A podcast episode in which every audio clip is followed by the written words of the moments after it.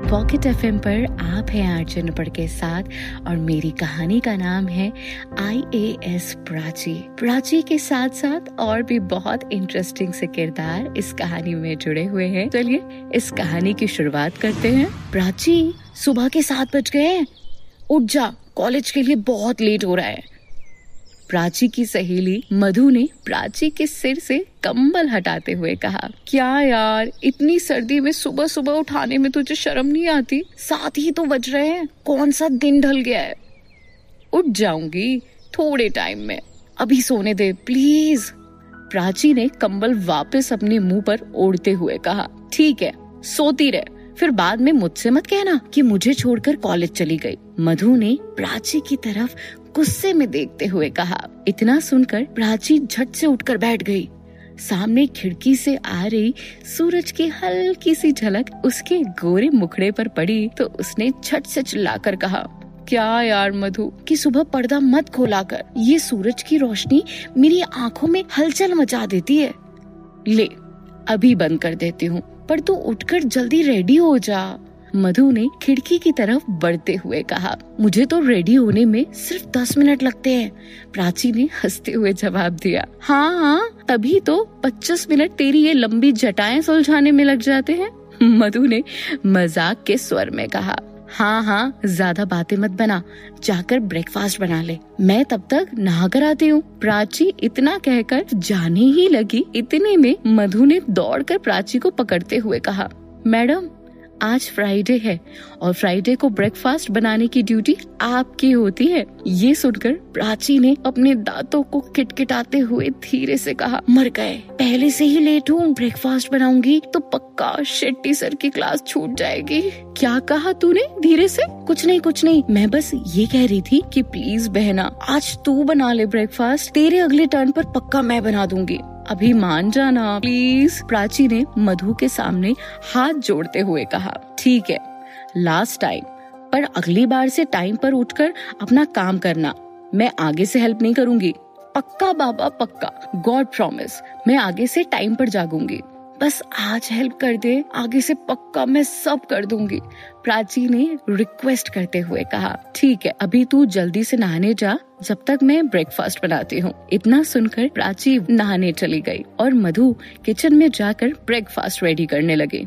करीब दस मिनट बाद प्राची वॉशरूम से नहा कर निकली और कमरे में जाकर अपने बालों को सुलझाने लगी। ये देखकर मधु टेबल पर नाश्ते की प्लेट रखते हुए बोली, यार, वैसे भी हम दस मिनट लेट है। अब अगर तू अपने बाल सुलझाएगी ना तो पक्का आज एक घंटा लेट हो जाएँगे। अभी ऐसे ही जूड़ा बाँध ले और निकल चल कॉलेज के लिए। यार, तेरी वजह से मैं रोज अपने बाल नहीं सुलझा पाती हूँ। देख कितने रफ होते जा रहे हैं।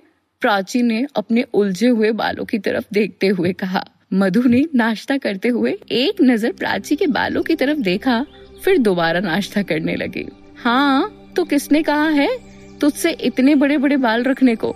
मैं तो तुझसे कब से कह रही हूँ कि बालों को कटवा ले। तू है कि सुनती नहीं? मधु ने नाश्ता करते हुए कहा, यार, तुझे पता है ना, मुझे दो चीज़ों से ही तो प्यार है।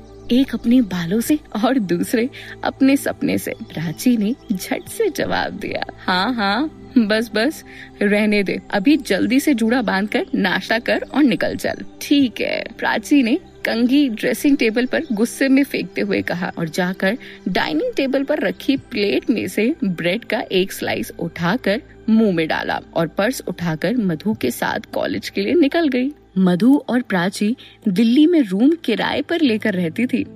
उनका परिवार दिल्ली के पास ही फरीदाबाद में रहता था। प्राची और मधु दोनों बचपन से ही साथ थे। कहने को तो वो दोनों एक ही घर में पली थी, पर दोनों एक दूसरे से बहुत भिन्न थी। जहाँ Madhu late night party club beer का शौक रखती थी, वहीं प्राची सिंपल सोबर केवल अपनी पढ़ाई और ड्रीम पर ध्यान देती थी। उसका एकमात्र सपना था आईएएस बनने का। यार, आज तो पक्का शेट्टी सर से डांट खाएँगे, प्राची ने डरते हुए कहा। वो खड़ूस और करेगा भी क्या? डांटने के अलावा उसका काम भी क्या है? मधु ने अपने चेहरे पर एक गंदा सा रिएक्शन बनाते हुए कहा। ऐसे मत बोलो यार टीचर है वो अपने।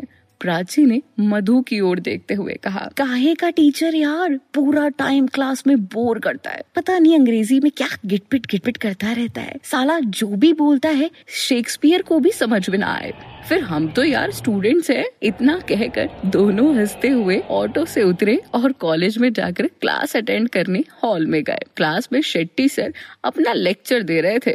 ये देखकर उन दोनों ने अपना हाथ आगे बढ़ाते हुए कहा, मे आई कमन सर उन दोनों को क्लासरूम के बाहर देखकर शेट्टी सर ने अपने हाथ पर बंधी घड़ी की ओर देखा और फिर सिर हिलाते हुए, आज फिर लेट, और वो भी पूरे के पूरे दस मिनट। क्या है ये? तुम दोनों डेली लेट होते हो। अगर ऐसे ही रहा तो आगे से मैं तुम दोनों को अपनी क्लास अटेंड नहीं करने दूँगा। सर, लास्ट मौका दे दीजिए। हम लोग कल से पक्का टाइम पर आएँगे। प्राची ने शेट्टी सर के सामने रिक्वेस्ट करते हुए कहा। ठीक है ठीक है। But it's your last warning okay अगर आगे से लेट हुए तो आगे से हम पक्का लेट नहीं होंगे सर पक्का नहीं होंगे. प्राची ने बीच में ही टोक कर कहा और फिर दोनों ने क्लास में बैठकर शेट्टी सर का लेक्चर अटेंड किया। जैसे ही शेट्टी सर का लेक्चर खत्म हुआ तो वो दोनों उठकर कॉलेज की कैंटीन में जाकर बैठ गई। कैंटीन में बैठते हुए मधु ने कहा कि क्या यार, आज फिर शेट्टी सर ने कितने लेक्चर दिए क्लास में? प्राची मुस्कुरा कर बोली, अरे, तू टेंशन ना ले, उनका तो काम ही है डेली डांटने का। पर तूने एक चीज़ नोटिस की? आज वो राघव तुझे घूर घूर कर देख रहा था। कौन राघव? वो आयशा का भाई ना? हाँ यार, वही प्राची ने कहा, उसका तो काम ही है डेली डेली मुझे घूरने का। खैर, तू बैठ। मैं जब तक कुछ ऑर्डर करके आती हूँ। इतना कहकर मधु एक प्लेट में ब्रेड पकौड़ा और समोसा लेकर आती है और दोनों कैंटीन में बैठकर लंच करते हैं। तभी प्राची देखती है कि सामने से राघव अपने हाथ में एक मोटी सी किताब लेकर उसकी ओर आ रहा है। ये देखकर प्राची मधु को ज़ोर से, यार, वो देख, राघव हमारी तरफ़ आ रहा है। ओ शिट यार, अगर ये यहाँ आ गया तो पक्का हमें पागल करके छोड़ेगा। बहुत दिमाग खाता है ये। चल, जल्दी से अपना बैग उठा और वापस रूम में चल। प्राची मधु की ये बात सुनकर चेयर पर से अपना बैग उठाती है। अब आगे क्या होता है?